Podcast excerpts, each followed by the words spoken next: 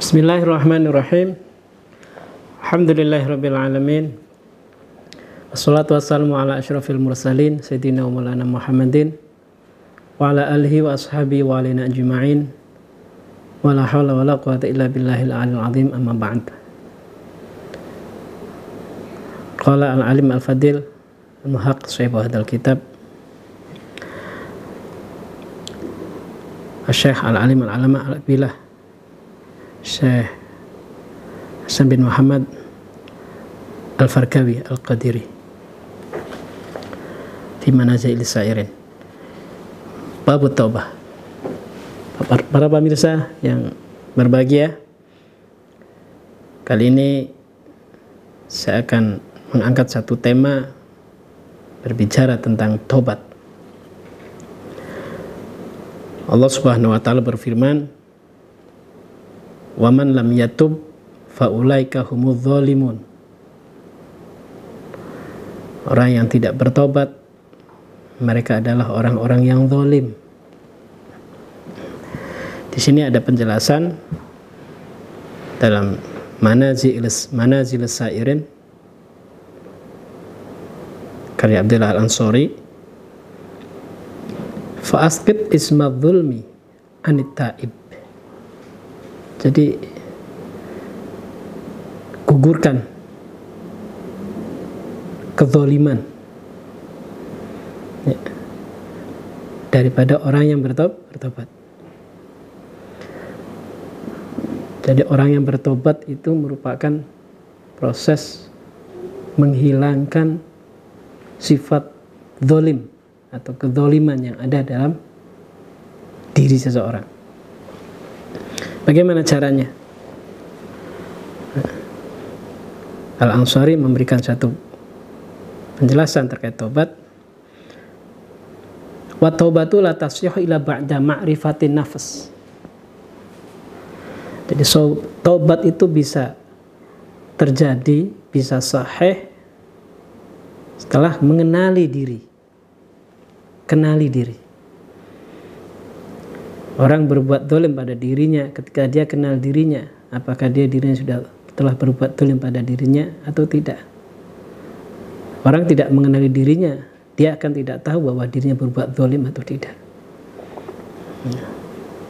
Gimana cara di situ? Wahya antang fi dzambi ila salah sati asya. Dalam bertobat itu hendaknya memperhatikan dalam hal dosa itu pada tiga hal.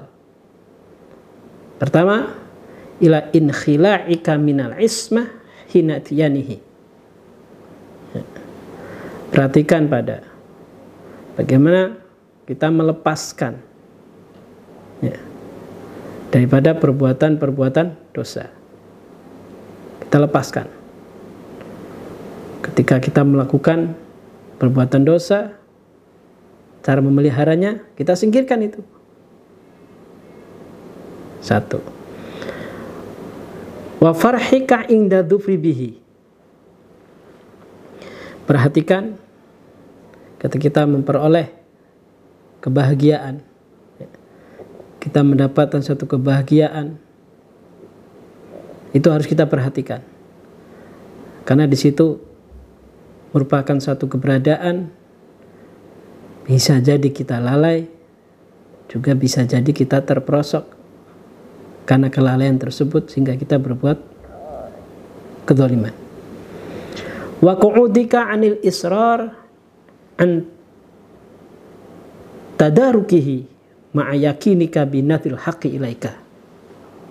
Perhatikan ketika duduk duduknya kita dalam keadaan kita terus menerus memperhatikan dengan penuh keyakinan apa bahwa Allah Al-Haq senantiasa memperhatikan diri kita. Nah itu tiga cara itu supaya kita bisa memperbaiki cara tobat kita. Ya, saya ulangi pertama, ya kenali diri kita dengan cara perhatikan dosa pada tiga hal, yaitu lepaskan perbuatan dosa,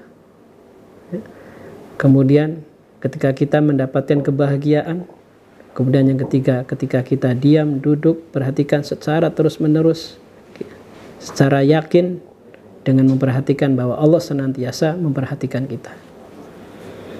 Dengan demikian, ada tiga syarat dalam bertobat. Wasyara itu tobati salatu, salatu asya. Syarat bertobat ada tiga. An-nadam wal i'tidhar wal iqla. An-nadam, penyesalan kita harus merasa menyesal terhadap perbuatan kita. Yang melakukan perbuatan inilah yang menyebabkan kita berdos, berdosa. Menyesali dosa-dosa. Kemudian kita wal i'tidhar. Ya. Wal iqla.